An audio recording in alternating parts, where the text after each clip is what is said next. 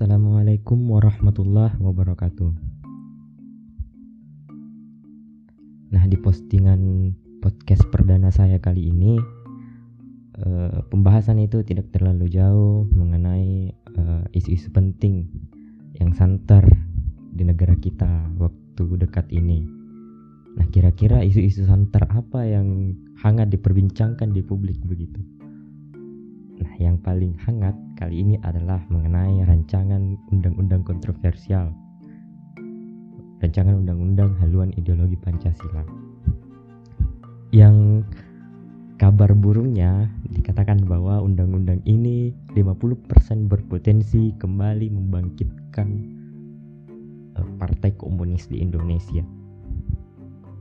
Apakah benar? Apakah benar kalau eh, undang-undang ini pada dasarnya rancangan ini pada konteksnya memiliki episode dalam tiap pasalnya yang berpotensi membangkitkan misalnya eh, pokok-pokok dari komunis itu sendiri.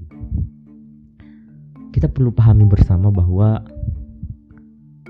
eh, setelah gerakan G30 SPKI se semua gerakan komunis baik itu dalam berbentuk partai, individu, maupun per orang in, maupun kelompok itu sudah dilarang menurut TAP MPR tahun 66. Jelas itu merupakan pelanggaran kehidupan berbangsa dan bernegara serta landasan Pancasila.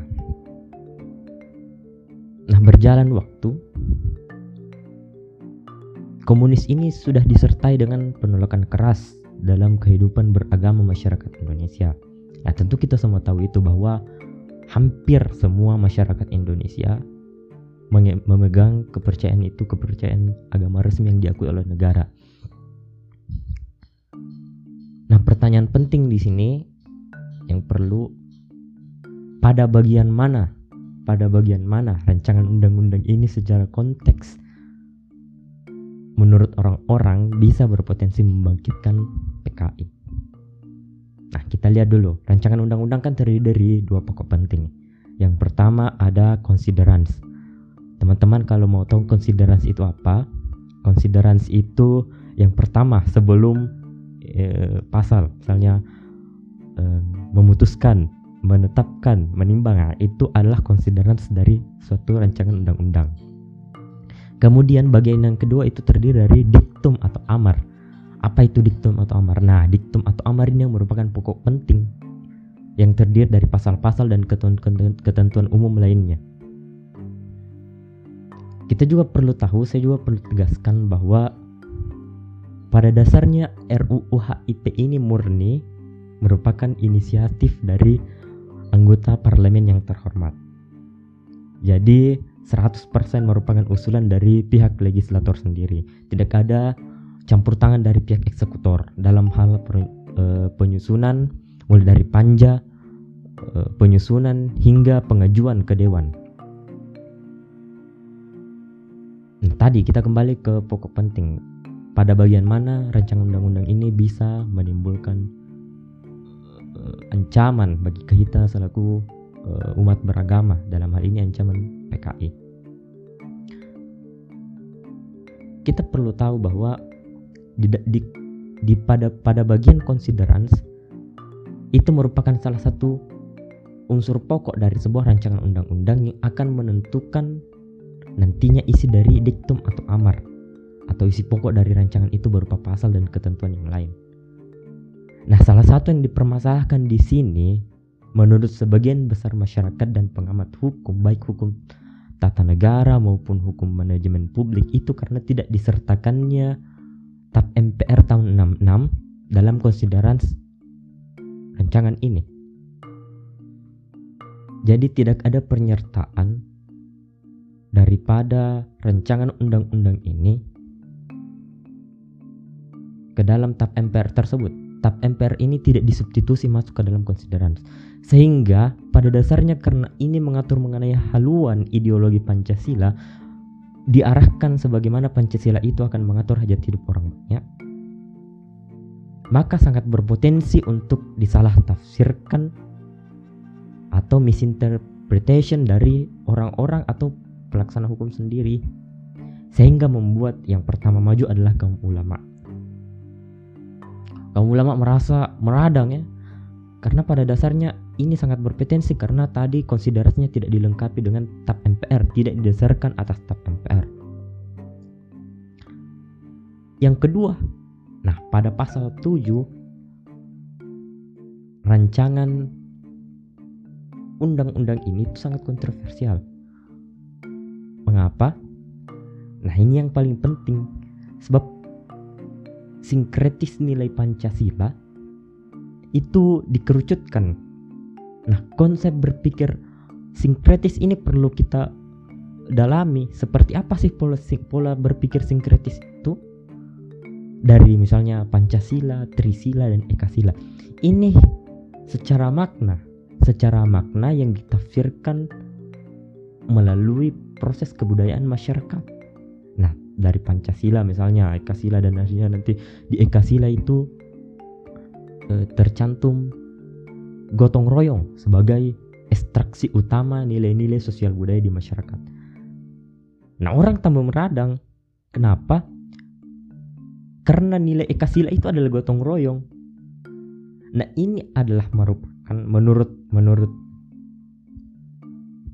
menurut pemahamannya Yudi Latif dalam bukunya itu Ma'rifat Pagi dia mengatakan bahwa sebenarnya ini hanya pola penafsiran Soekarno dari apa yang dia ketahui.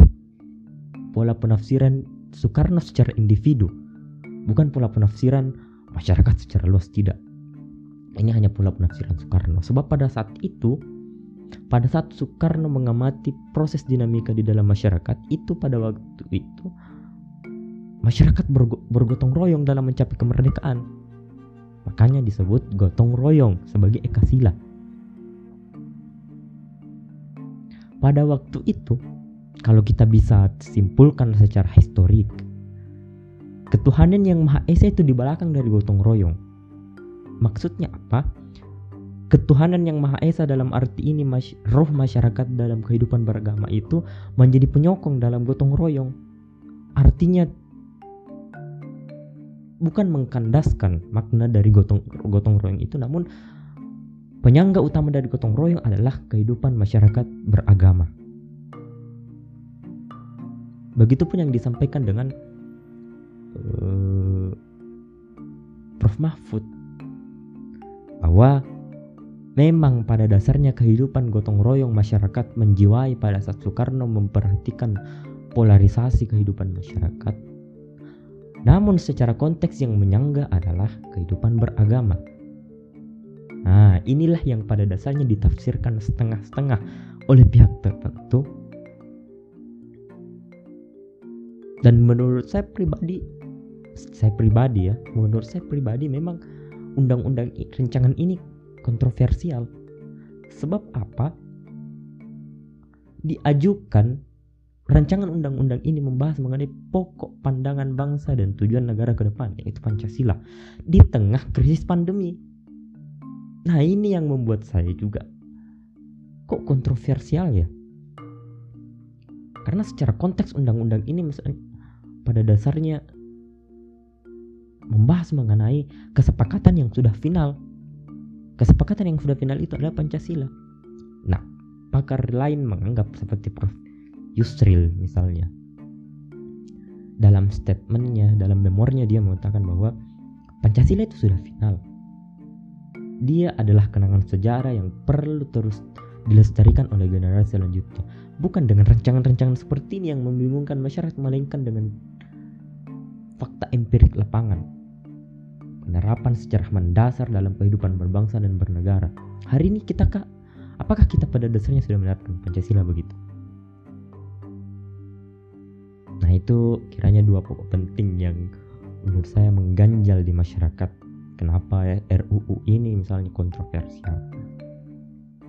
Jadi untuk post casting selanjutnya ya saya akan membahas mengenai PKI itu benar nggak? Hantu atau nyata?